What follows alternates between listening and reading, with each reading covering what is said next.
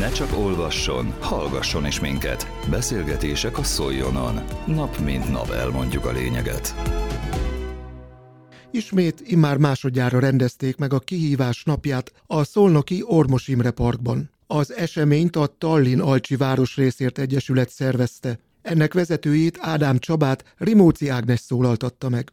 Tavaly rendeztük meg az első kihívások napját az Ormos Imre Parkban, és nagyon látogatott volt, nagyon jól sikerült a rendezvény, így nem volt kérdés, hogy idén is meg fogjuk rendezni, így a 2023-as kihívások napja az pontosan május 31-ére esett. Nagyon jó időnk van, örülök neki, hogy már reggel 8 óra környékén kijött a Kassai úti általános iskola, akik felső tagozatos osztályokkal jelentek meg, egyből birtokba vették a az egész parkot. Itt az Egyesületünk készült különböző sport eseményekkel, különböző sport kihívásokkal, így mint ide teremtettünk az Egyesület által öt darab kosárlabdát, két kis focikaput, focilabdát és hát röplabdázási lehetőséget. Továbbá egy extra legnagyobb élményt okozott a gyerekeknek, hogy egy úgynevezett céllövő hálót állítottunk ki, ahol különböző pontszámokat lehet elérni. Ennek nagyon nagy sikere volt. Meg kell mondanom, hogy csodálatosan lőtték a közepébe a fiúk a labdát, és hát a lányoktól se kellett tartani, ők is elég ügyesen adták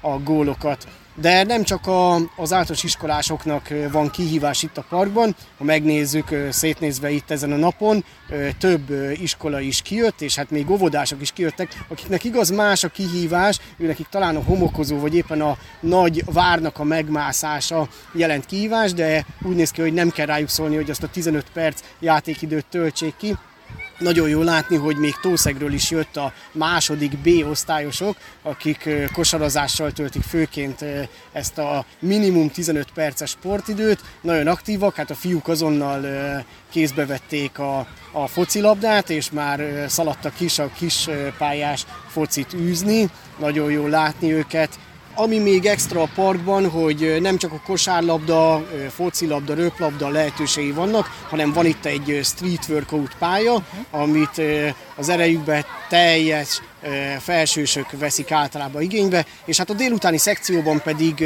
a tavaly nagy sikert alkotott kosárlabda dobó verseny lesz, ahol egy kupával is készülünk.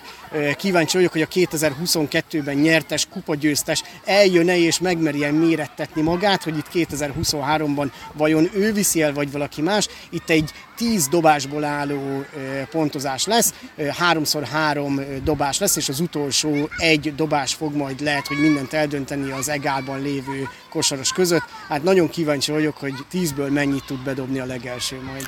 Akkor ezek szerint egészen késő délutánig tart a program.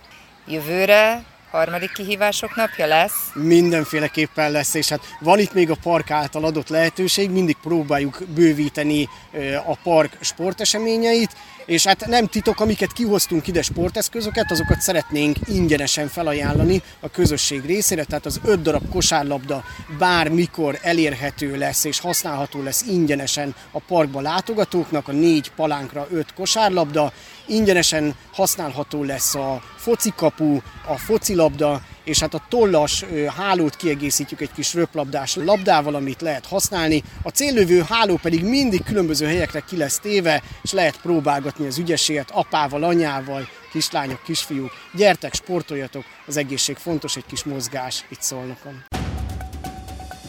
Közélet, politika, bulvár. A lényeg írásban és most már szóban is. Szóljon a szavak erejével!